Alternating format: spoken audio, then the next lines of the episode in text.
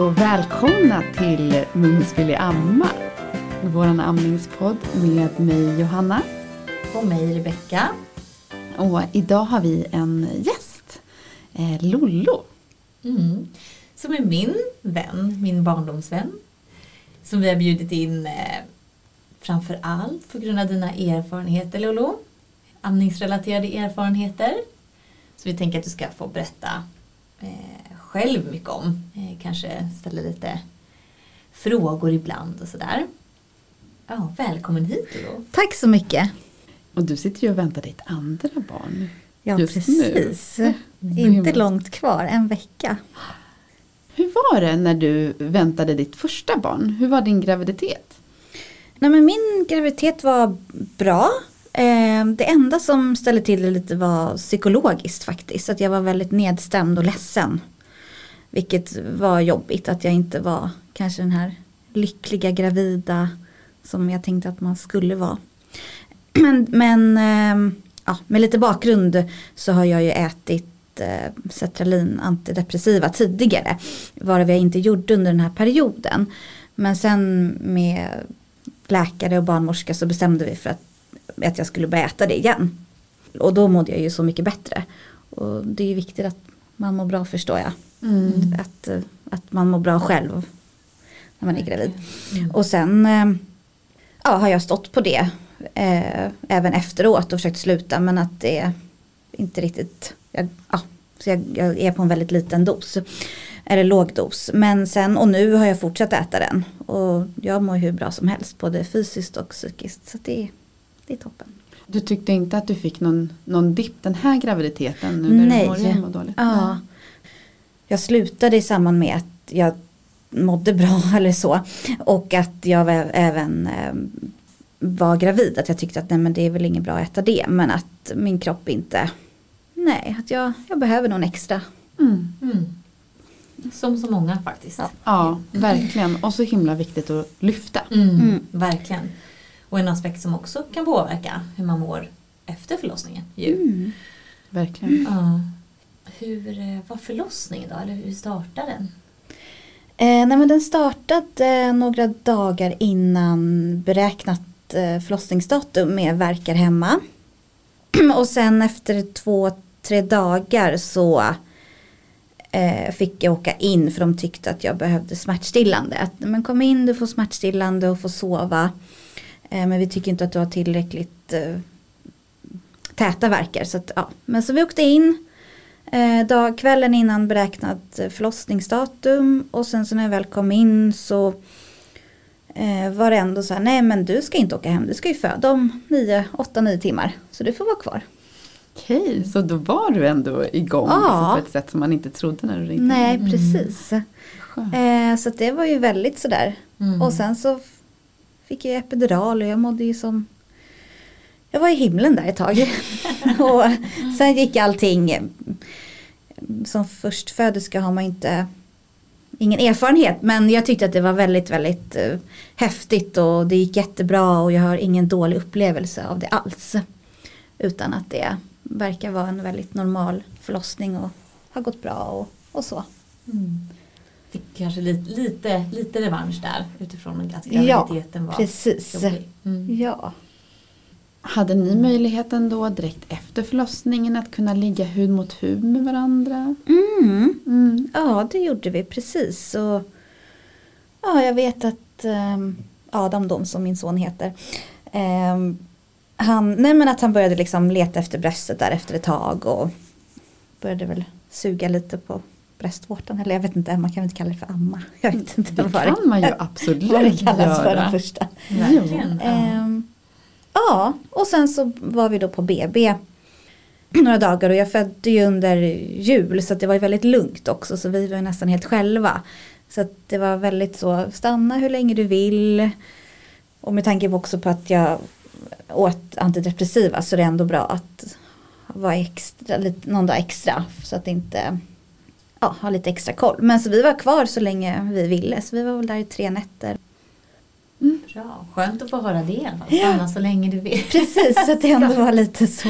Ja, bra. Mm, Tycker du att du fick bra hjälp och sådär på BB?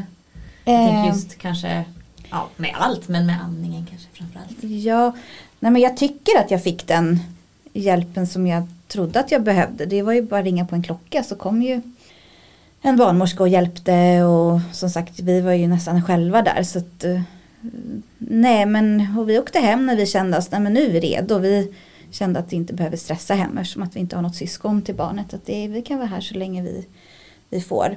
Eh, så att, nej men vi kände väl oss så redo som vi kunde när vi väl skulle åka hem och fick den hjälp vi behövde.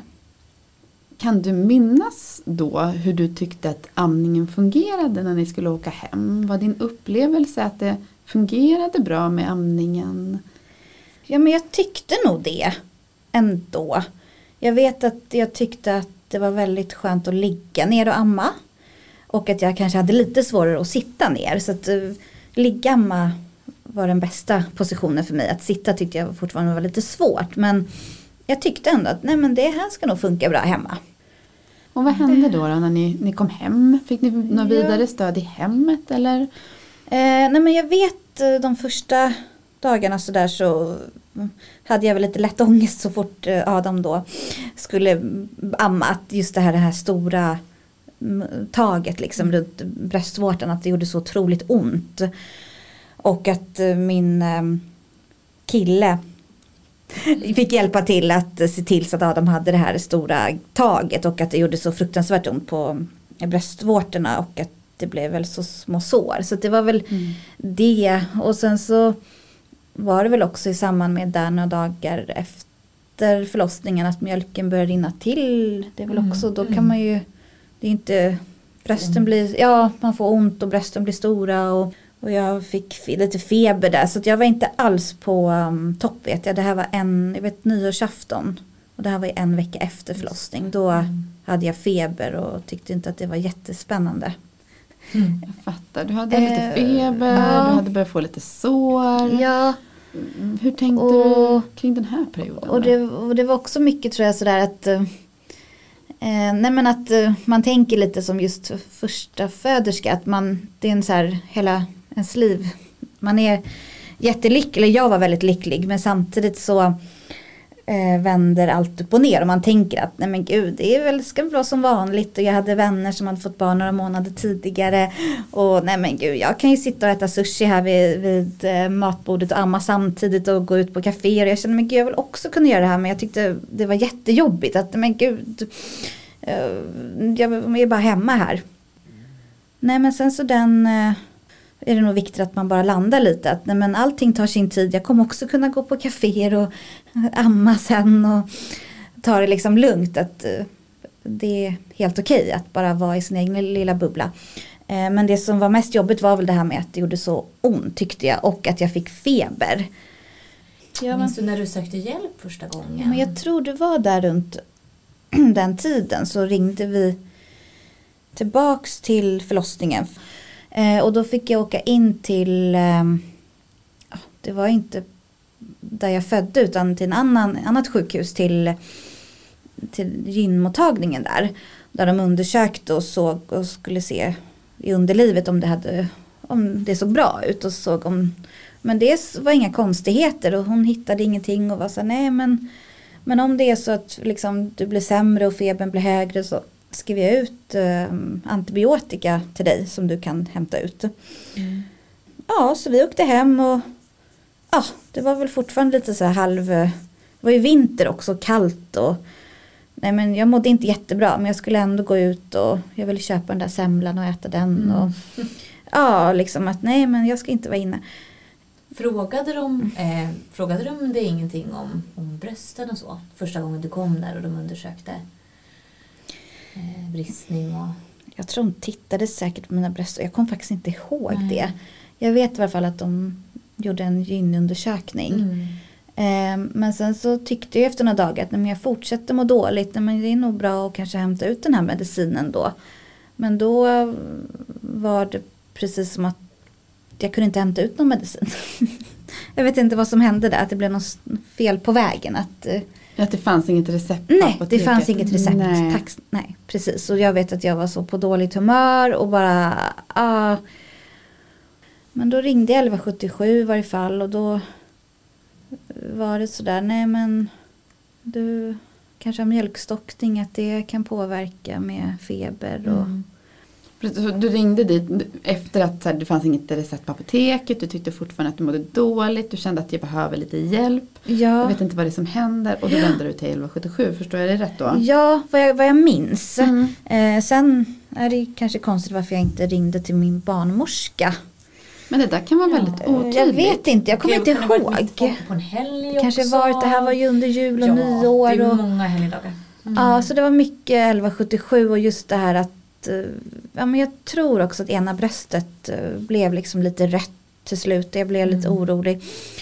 Och, och var sådär, ja, men jag har ju varit på gynundersökning och jag skulle hämta ut medicin men nu kunde jag inte hämta ut det. Nu har det gått ytterligare dagar så nu vet jag liksom är den här den medicinen jag ska äta. För nu börjar liksom ena bröstet bli lite liksom Mm. rött eller ja, börjar inte må så bra. Att är det verkligen den här medicinen? Och då vet jag att jag ringde, hade mycket kontakt med 1177 och eh, många hänvisade till nej men det är mjölkstockning. Mm.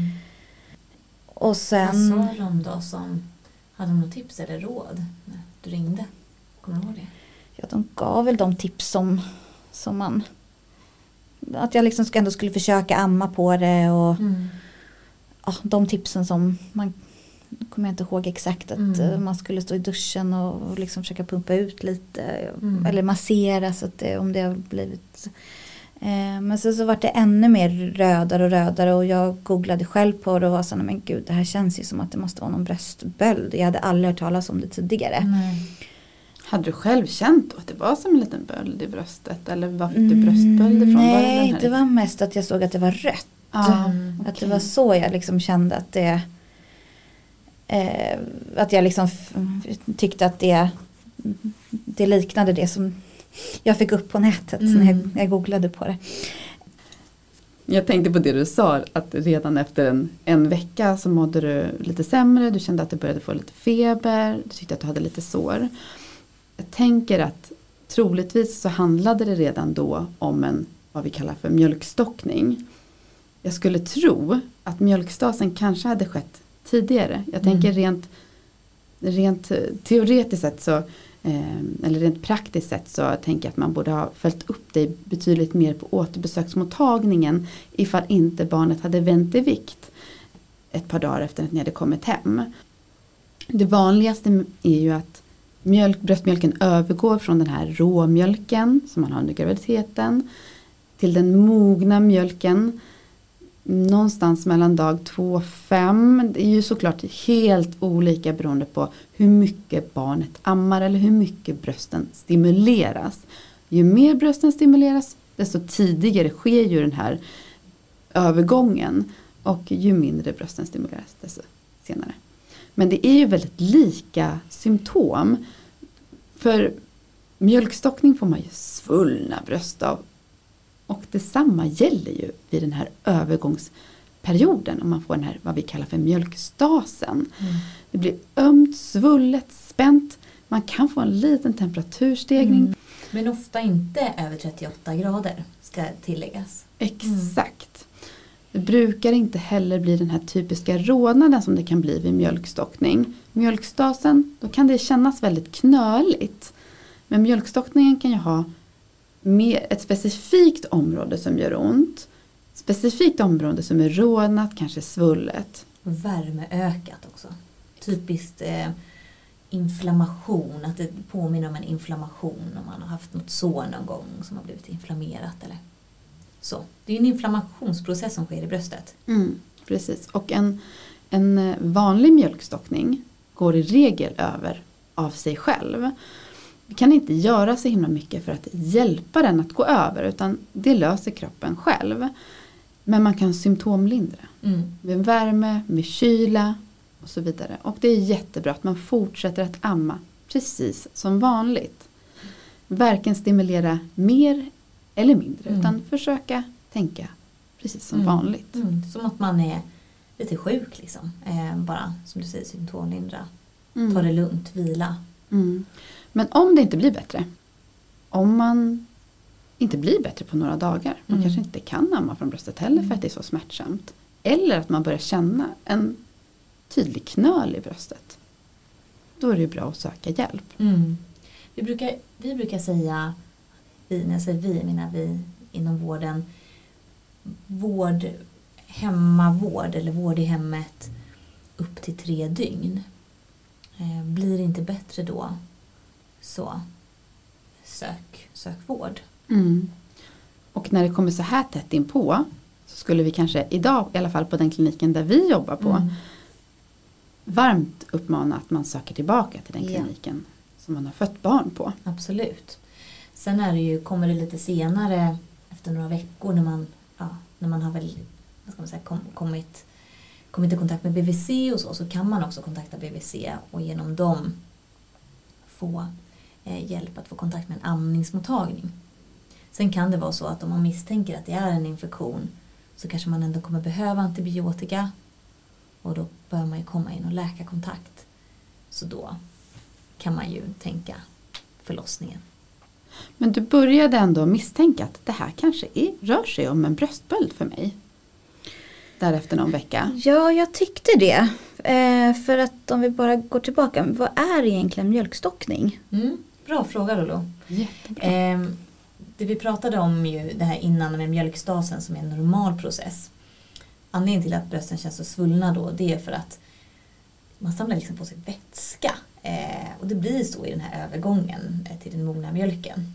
Och man ska ju i regel inte må, må dåligt eller liksom ha ont eh, mer än ett dygn ungefär. Eh, skillnad till mjölkstockning som handlar om att det har blivit stopp i en av mjölkgångarna. Och när det blir stopp så, så kommer mjölken ut och sprider sig i bröstvävnaden istället. Och bildar en inflammation. Som kan bli så pass liksom, dålig så att man kan behöva söka vård och få antibiotika. Som ju du säkert då hade behövt. Och jag skulle tro, nu bara eh, barnmorskisar jag, eh, men att de ville utesluta att du hade någon infektion i underlivet eller i livmodern kanske. Och skrev ut något bredspektrum antibiotika till dig. Eh, det kan hända att det hade hjälpt för bröstet också. Det vet man ju inte. Men misstänker man kanske en,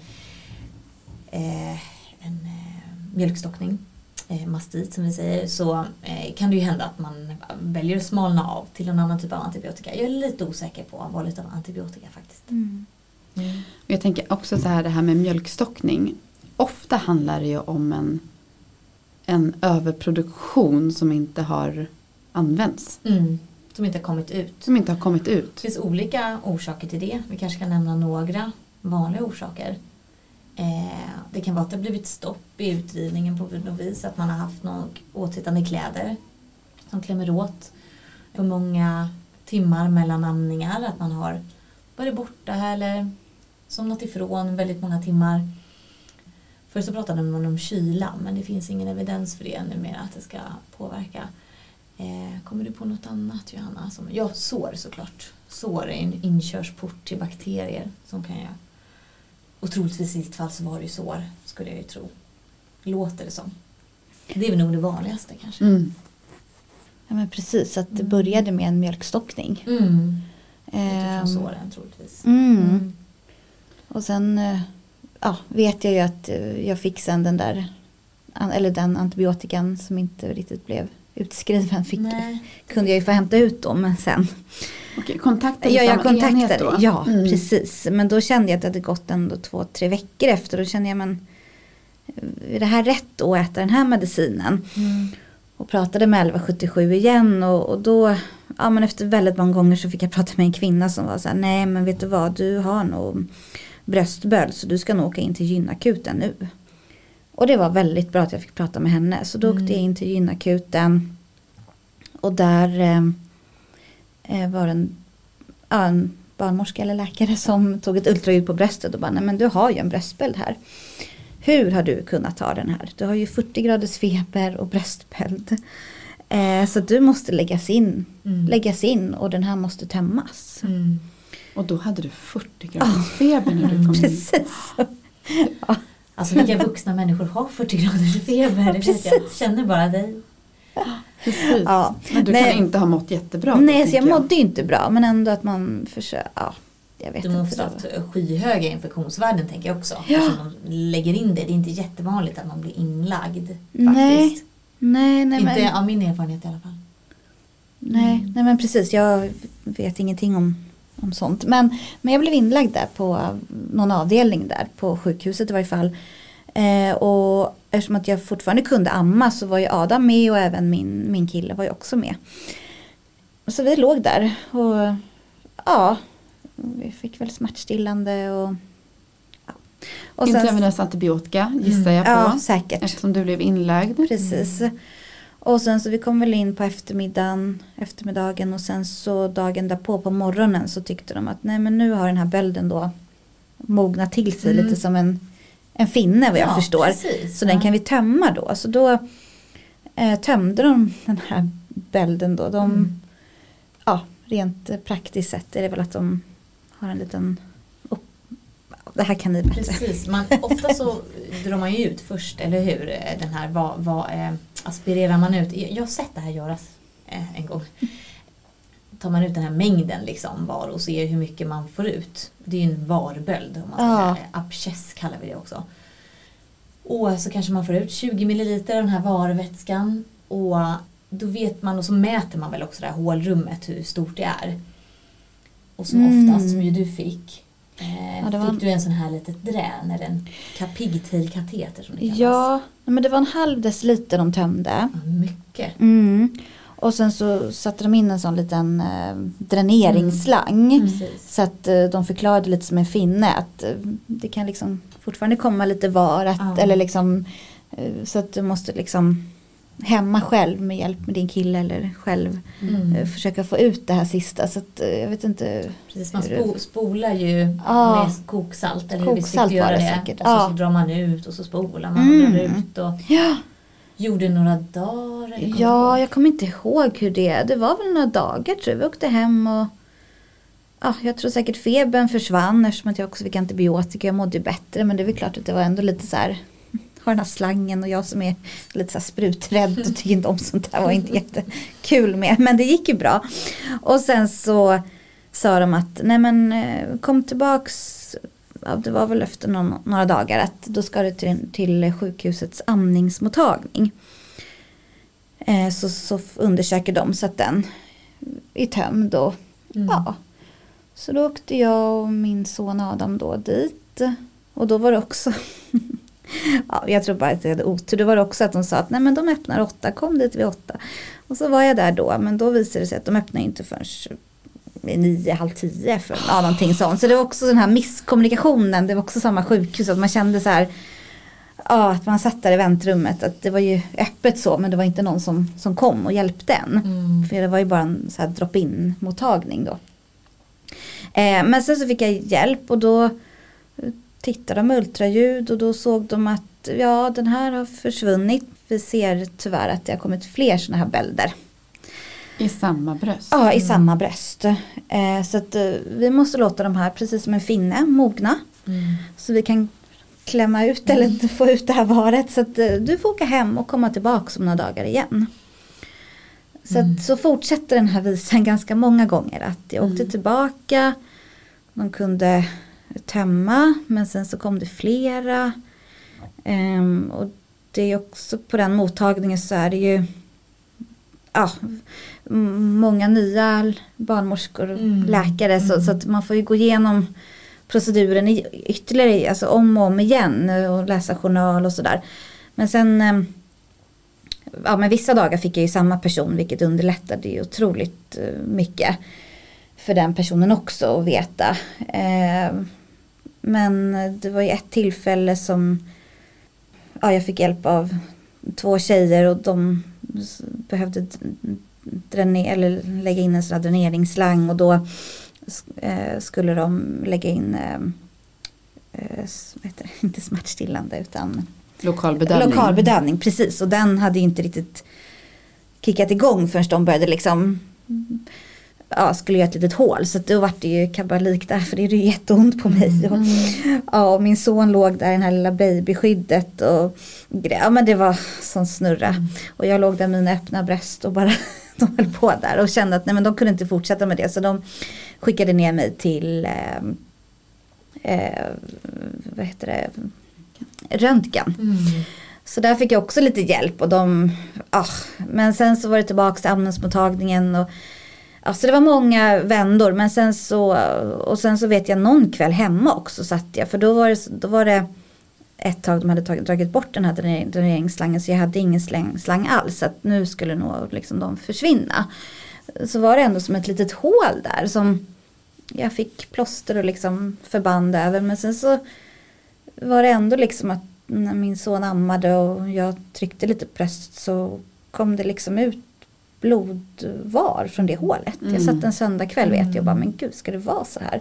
Men då hade jag en, en inbokad drop-in tid om man säger måndagen är dagen efter så jag tänkte att jag åker in imorgon och, och, då, alltså, och då vet jag att eh, när jag fick den här återkommande mannen som hjälpte mig så, sa, så skulle han dra med ultraljudsapparaten och komma åt där. Och då sa jag så här, ja men titta nu när du kommer åt där, nu kommer det ut var. Och han mm. bara så här, oj men gud. Och han tog på sig plasthandskar och bara, nu kommer jag, han bara, du ser till om det är ont. Så han bara tryckte ut från det här hålet massa var. Mm. Alltså det var så hemskt. Ja, och blod och grejer. Mm. Eh, och sen så la han någon egen variant. Jag vet inte, han la några några tussar med mm. liksom, som skulle ja, läka och han var ju otroligt skicklig och var väldigt så omhändertagen mot mig att kom den här tiden, de här dagarna så är jag här och då tar jag hand om dig för att du har fått prata, träffa så många och det har varit så mycket återkommande. Du har verkligen haft otur men han var ändå så positiv, han sa är du alltid så här glad? Att han tyckte mm. ändå att jag höll humöret uppe även om mm. um, Och sen till slut så Ja, nej men sen så försvann det. Så det var väl den sista där som han fick ut alltihopa. Och, och hur lång tid efter att du hade fött barn var det här? Ja, alltså jag räknade ut att jag var där på besök 15 gånger. Oh, på amningsmottagningen? Mm. 15 gånger räknade jag ut. Och det här var väl, jag födde ju i slutet på december så ja, i februari var det väl klart. Oh, mitten på februari, mars, början på, nej, mitten på februari. Eh, och sen sa han till mig att du har verkligen haft otur, sa mm. han. Att det är så väldigt få som får sådana här bölder och du har haft väldigt otur. Och sen så, jag menar för amningen gick ju till slut bra så att jag kunde jamma hela tiden. Det var väl mest bara den här ovissheten. Man åkte mm. fram och tillbaka mm. mellan hemmet och amningsmottagningen och det var man trodde att nu är det bra men då var det liksom, nej men då var det nästa och så skulle mm. man dränera och så var det de här olika sköt, eller liksom läkarna och barnmorskorna och sköterskorna att till slut så var det så skönt att få en enda person som bara, mm. nej men vet du vad, nu, nu ser det till att komma hit den här tiden och jag är alltid här så då hjälper jag dig. Mm. Och sen så efter några månader så fick jag också en kallelse till um, ja, men en rutin för uh, att se så att det inte hade blivit några cancer uh, mm. ja, okay. en sån um, mammografi. mammografi mm. Precis, och det tyckte jag också var väldigt uh, skönt att de ändå uppföll, följde upp på, det, på den nivån. Ja. Jag vill bara lägga till det att, ja uh, oh, herregud. Vilken jävla otur du har haft Olof. Och uh, jag, alltså jag ber om ursäkt, jag kommer svära en hel del i den här podden. För jag, jag, jag, det är mitt ordförråd helt enkelt. Stora svordomar lite.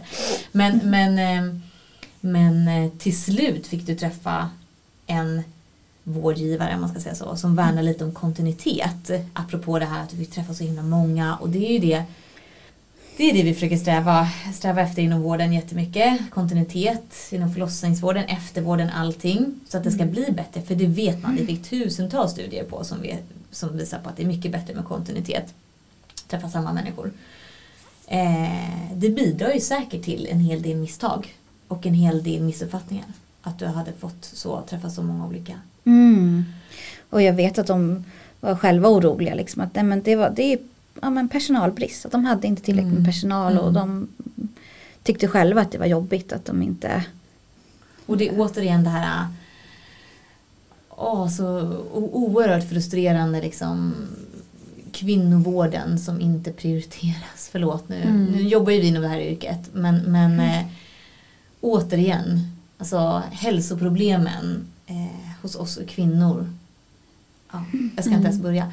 Men ehm, jag är lite nyfiken på Lolo, tänkte du någon gång att eh, den här jävla skiten, jag lägger ner det här? Alltså amningen, eftersom du hade fått så mycket problem. Mm, nej, det tänkte jag aldrig på för att amningen gick ju så bra. Sen ändå liksom efter Mm. några veckor, alltså, även om jag fick den här bölden så försvann ju såriga bröstvårtor och jag tyckte Mm. att Adam fick ett bättre tag. Och, och det funkade ju bra, jag kunde ju amma på den här, det här bröstet med, med de här bölderna ändå. Och, så att eh, nej, det, jag hade ingen tanke på att lägga ner. Och det här med bättre tag som du pratar om, fick du någon hjälp med, med det? Eller var det någon, någonting du själv liksom letade upp information på hemma? Hur får man till ett bra tag? För du förstod ändå att det fanns något form av koppling Ja. mellan ett, ett litet tag eller ett, ett eh, felaktigt tag och eh, det här bröstbölderna du hade fått. Mm. Ja, nej men det var väl en egen studie eller teori att jag, att jag nej men eftersom att jag fick väldigt tidigt såriga bröstvårtor att jag tänkte att nej men det är därifrån det såriga, det är därifrån infektionen kommer ifrån. Att Mm. det, och, och jag menar såriga bröstvårtor är väl ändå, eller att det gör ont är väl vanligt men just det att det blev sår. Mm. Det var väl någonting som står också som är ren Mm. fakta att det via dem kom in.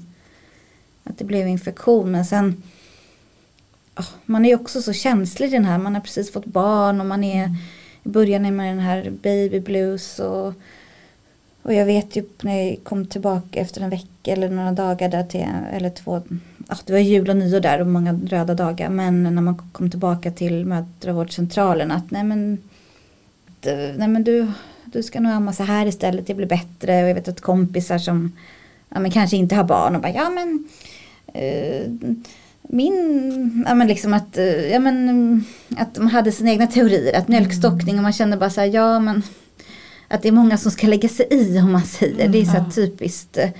Eller liksom min mamma när hon på den tiden då skulle man dra i sina bröstvårtor, gjorde inte, alltså man blir så här bara, ja att det är så mycket Inte hjälper utan stjälper Ja men lite så att eh, Och sen så när jag väl hade haft mm, liksom, den här proceduren var över då har man ju hört flera. Jag menar, en av mina bästa, en av mina närmsta vänner i Göteborg hon fick ju barn ett halvår senare. Hon fick ju också bröstbölder. Mm. Det var ju lustigt och en kollega nu hennes eh, barn eller dotter har också fått det nu. Så att Mm. man märker att det är fler och fler, alltså man hör ju, det är inte helt Mm.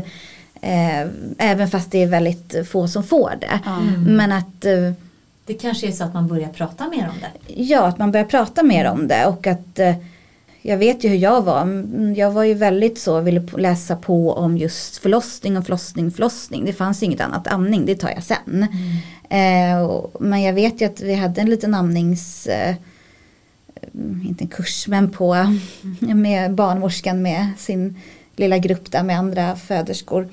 Eh, men att eh, man kanske inte näm- nämnde att, så mycket att det här är de här komplikationerna finns. Så jag förstår att man vill ju inte skrämma för att man vill ju, amning är ju så viktigt. Men jag tror ändå det är viktigt att så här, det finns komplikationer och det är viktigt då att eh, kontakta så fort du känner det här och man kan få det här och det här. Att, men det är ovanligt men det kan, alltså så att man bara är medveten om att det kan gå jättelätt och gå hur bra som helst men det kan också vara lite svårt.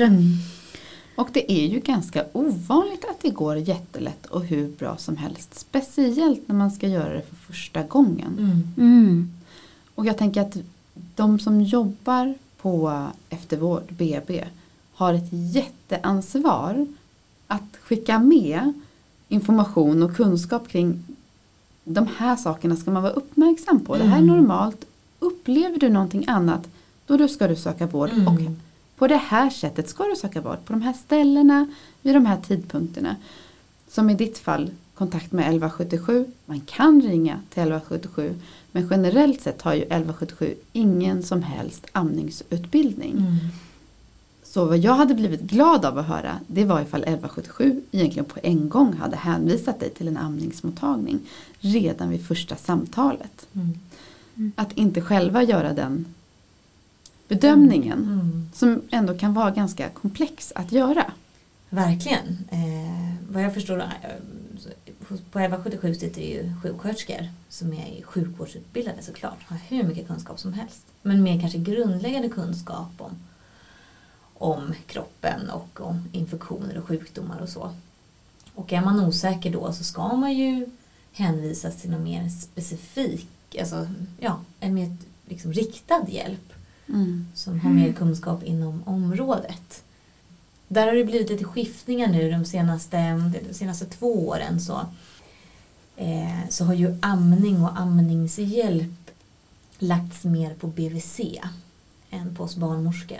På BVC jobbar ju barnsjuksköterskor och de har ju fått mer utbildning inom amning vad jag förstår sista två åren. Men även de, om det frångår det normala, de här vanligaste problemen, ska ju hänvisa till närmsta amningsmottagning där det jobbar barnmorskor med specialkompetens. Mm. Men det är ju ändå, ska vi komma ihåg, det är ganska ovanligt med bröstböld. Men det Mm. är en, en ganska allvarlig komplikation. Verkligen. Utmaningen att få det här större greppet när man har Mm. börjat på ett litet grepp. Och min upplevelse är att du inte riktigt fick något bra stöd i det. Hur upplevde du från BVCs sida? Nej men jag var ju där ehm, och då tittade de ju på när jag ammade men då tyckte de att jag gjorde fel. Så att det- det var ju uppenbarligen att jag ändå åkte hem från BB kanske och gjorde fel eller att det blev fel på vägen. Ja. Var det så de uttryckte sig också, vill du minnas? Nej, det Nej. gjorde de inte. Tack. Nej men de, de upplevde nog att jag ammade lite fel. Alltså, kommer inte ihåg. Inte optimalt. Ja men ja att jag skulle hålla på ett annat sätt och lite Mm. sådär. Och då var man ju själv också. Ja men precis dagarna efter. att Man var lite sådär känslig och jag vet att man. Mm. Ja. Att det är aldrig kul att höra att man gör fel eller så Nej, liksom. precis. Men att. Ja men uppenbarligen så har, blev det ju fel med tanke på att jag fick så såriga bröstvårtor. Och jag fick ju hjälp av min kille då. Och liksom att han skulle se så att det blev ett bra grepp och så.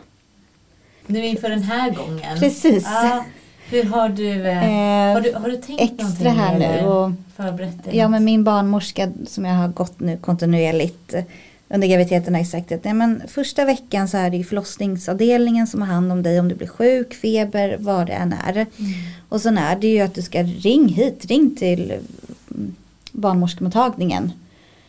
Ja, sen är det väl mödravårdscentralen också då. Jag vet. Ja, Jag sen när, blir inte B- klok när BVC tar över, hon har ju helt, Precis. helt rätt. Just nu Mm. rekommenderar vi generellt sett att eh, första veckan innan BVC tar över, nu måste det ju inte gå precis en vecka innan BVC tar över, men innan BVC tar över, vända sig till den kliniken man har fött barn på, ifall man får sådana här besvär som du beskriver. Och sen när BVC har tagit över så är det i första hand BVC man vänder sig till. Mm. Eh, om det inte är på jourtid givetvis, Mm. kvällar, helger. Och så har BVC ett, ett ansvar att hänvisa dig vidare i komplicerade fall.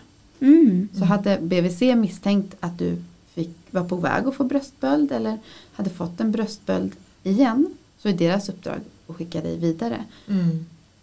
Precis, Mm. utifrån eh, ditt mående. Om det liksom funkar med andningsmottagning eller om det är så att i det, det här fallet när du mådde så dåligt så, så skulle man ju hänvisa dig till sjukhus såklart. Mm. Ja, kommer jag inte ihåg alla vänder liksom varför jag Mm. inte kontaktade. Men det var väl också samma med att det var väldigt många röda dagar. Ja, Och, Mm. såklart. och ja, då- var 1177 den, Ah. den eh, vad ska man säga, mest eh, Tillgänglig. Till- Tillgängliga. Ah, ah. kanalen. Och det vet vi också, att det här med att föda barn, det här med vård generellt, inte bara förlossningsvården och BB-vården. Det är inte optimalt. Alltså helger, helgtider. För även om vi inom akuta sjukvården alltid jobbar så det är inte det är inte, vi, har inte tid, vi har inte jättemånga läkare på plats. Det är bara jourtid. Eh, I alla genrer så är det färre läkare på, på helger. Och det är så det är. Det finns ingenting vi kan göra, göra åt. Det är liksom... Ja, det är tyvärr så det funkar. Och det kan man ju tycka vad man vill om. Men jag kan också säga apropå det här med vart man ska söka sig. Vart man ska söka sig. Är det helg, är det kväll, natt. Man kan ju alltid ringa till det BB man födde på och bara prata med en barnmorska. Mm. Alltså även om de inte säger kom in hit nu så kan de ge råd. Och har de inte tid just då, ring upp om en timma. liksom, det, de, det finns ju alltid på plats dygnet runt. Absolut. Mm. Och även nu, jag menar jag hade ingen aning om, tror jag innan jag fick mitt första barn, eller liksom att det finns amningsmottagning, till och med en mottagning som bara fokuserar med amning och Mm. bröst. Och, vilket är helt fantastiskt och att, eh, ja så nu har man ju mycket med erfarenhet också som, som eh, andra föderska. Samt att eh, nu med tanke på att jag ska föda ett barn om drygt en vecka. så um, fokuserar ju väldigt mycket på att läsa om amning jämfört med kanske förra förlossningen, förra graviditeten att läsa om förlossning. Att jag, nej men hur viktigt det är att vara förberedd med amningen. Mm. Sen kan det ju bli hur som helst ändå. Mm. Men jag vill i varje fall inte, jag ska ändå försöka amma. Mm.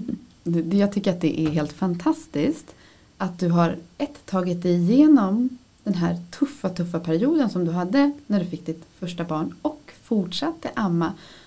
Och vad jag uppfattar det som har en bra upplevelse av den amningen och planerar för att amma ditt andra barn. Mm. Har du, är du orolig eller har du känt oro för att det här ska ske igen? Ja men lite, för några veckor sedan när jag träffade Rebecka Mm.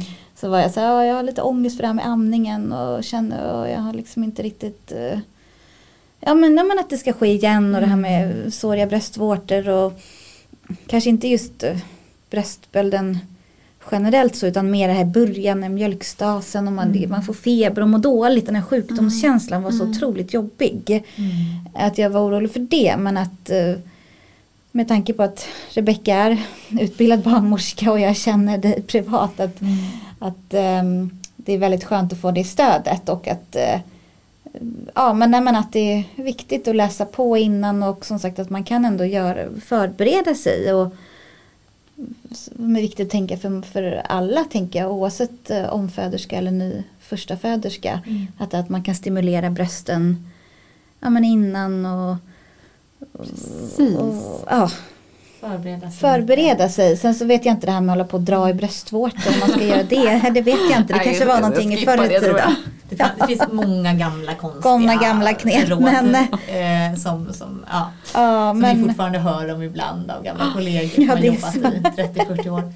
Men, men, eh, men eh, precis som vi kommenterade eh, tidigare avsnitt, eller vi pratade om det som jag tror, jag vet inte om jag är så mycket till stöd, jag tror det enda jag sa till dig var Tänk så här Lolo, nytt barn, nya möjligheter. Också som ju vi pratade om, barn är olika. Det kan vara, man kan ha helt vitt skilda erfarenheter från barn till barn. Och försöka bara liksom ställa sig in på att clean slate, liksom, jag börjar om. Det, det, det är inte samma grej den här gången. mm, Det kan bli helt annorlunda. Eh, att man ändå är öppen för det.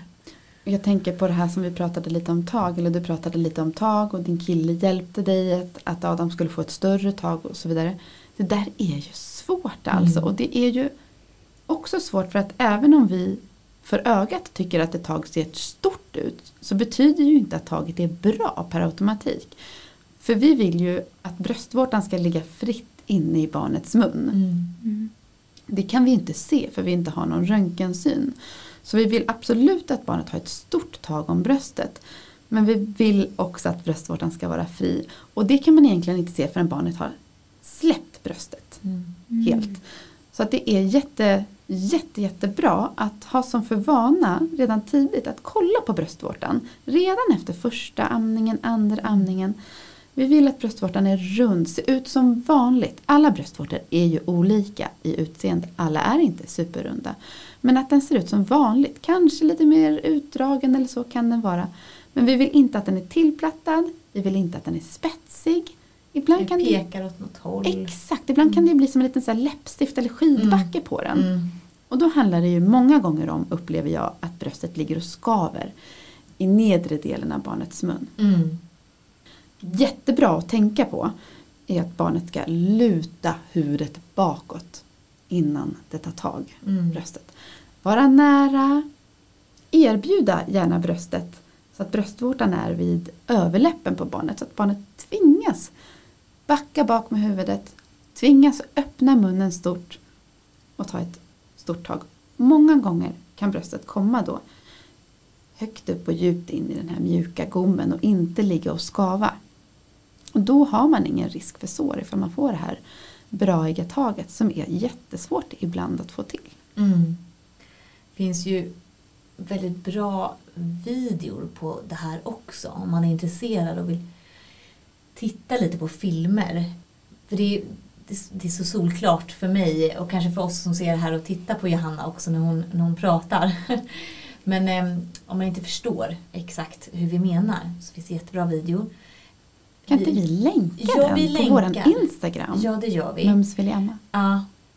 Så gå in på Instagram och titta gärna på de länkarna. Ja, gör lite research Ja. innan. Det, det är väl det enda vi kan tipsa om egentligen.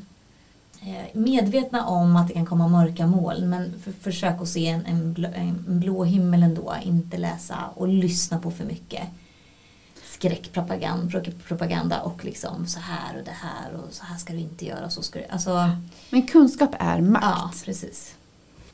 Ja, ja men precis och sen vill jag ändå bara slå ett slag att eh, nej men som nyförlöst man är ju rätt känslig och man som första, första föderska, man vet inte så mycket och jag gör man, men jag tycker nu efterhand liksom att eh, om ni känner minsta lilla ring och stå på er, åk Mm. in. Ja. Åk in, att det är bättre att åka in för mycket till gynakuten tänker jag än Mm. eller till amningsmottagningen istället för att vara hemma och liksom stå på er att nej men jag vill prata Precis, Mer- be om hjälp. be om hjälp för att eh, ja så att man men det är lätt att man kanske hamnar i den situationen att man blir lite inte mesig men att man ja ja okej ja, ja jag fortsätter väl göra så ammar och masserar och tar duschar och så att bara liksom Men precis, normalisera inte smärta som inte går över. Nej. Normalisera inte sår. Nej. Normalisera inte eh, smärtsamma, rodnade, svullnade, värmeökade bröst Mm. som inte ger sig. Och där kan du som partner eller som anhörig också ha en jätteviktig del. Alltså stötta, hjälpa, också ja, men pusha till att söka hjälp när man märker att det här är inte normalt. Mm. Jätteviktig uppgift den andra föräldern har att, att eh, hjälpa till att söka den här vården. mm, eller som närstående eller farmor, mormor, farfar Mm. och liksom att nej men då åker vi in nu vi, vi löser det här liksom att eh, ja Mm. Absolut. hjälp Mm. helt Verkligen. enkelt. Och våga prata med varandra. Mm. Ja, om men- problem, om, om, eller om amning och, och allt vad det innebär. Det är Precis. säkert eh, på grund av att du själv är så öppen Olof skulle jag tro som, som gör att du har fått höra då din vän och din kollegas dotter. Och, alltså en öppenhet skapar ju mer öppenhet. Att man öppnar upp för andra och, och berätta. Mm. Mm. Verkligen. Så det är Precis. jätteviktigt. Istället för att man bara ser de här förskönade härliga bilderna Mm. om sushiätande morsor på, på stan.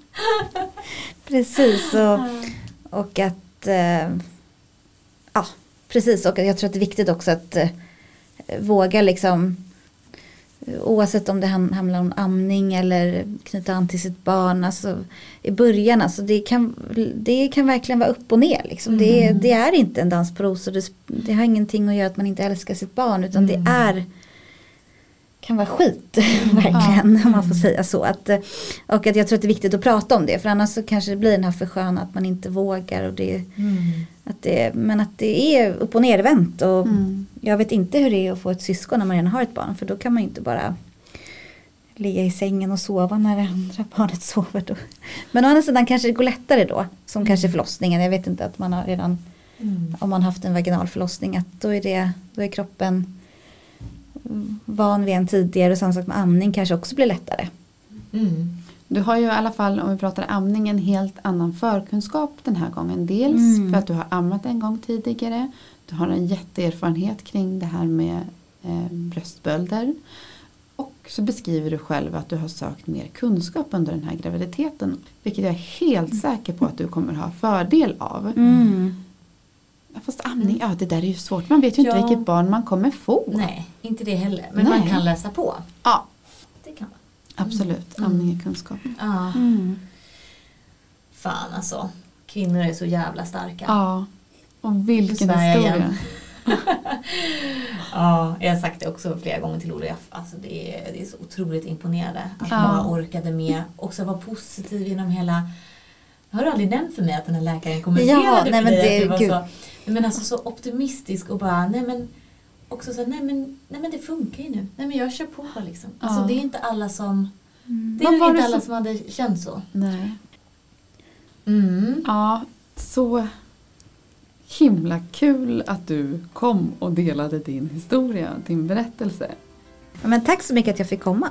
Jätteroligt. Jätteroligt. Tack snälla för att du kom Lolo. Och eh, vi önskar dig såklart jättemycket lycka till nu här med nummer två. Snälla. Tack snälla för att eh, ni lyssnade eh, det här avsnittet och eh, ja, som sagt, gå gärna in på Instagram och kommentera. Mumsfiliamma heter vi där. Så ses vi nästa gång. Det gör vi. Tack Ta snälla. hand om er. Tack så mycket.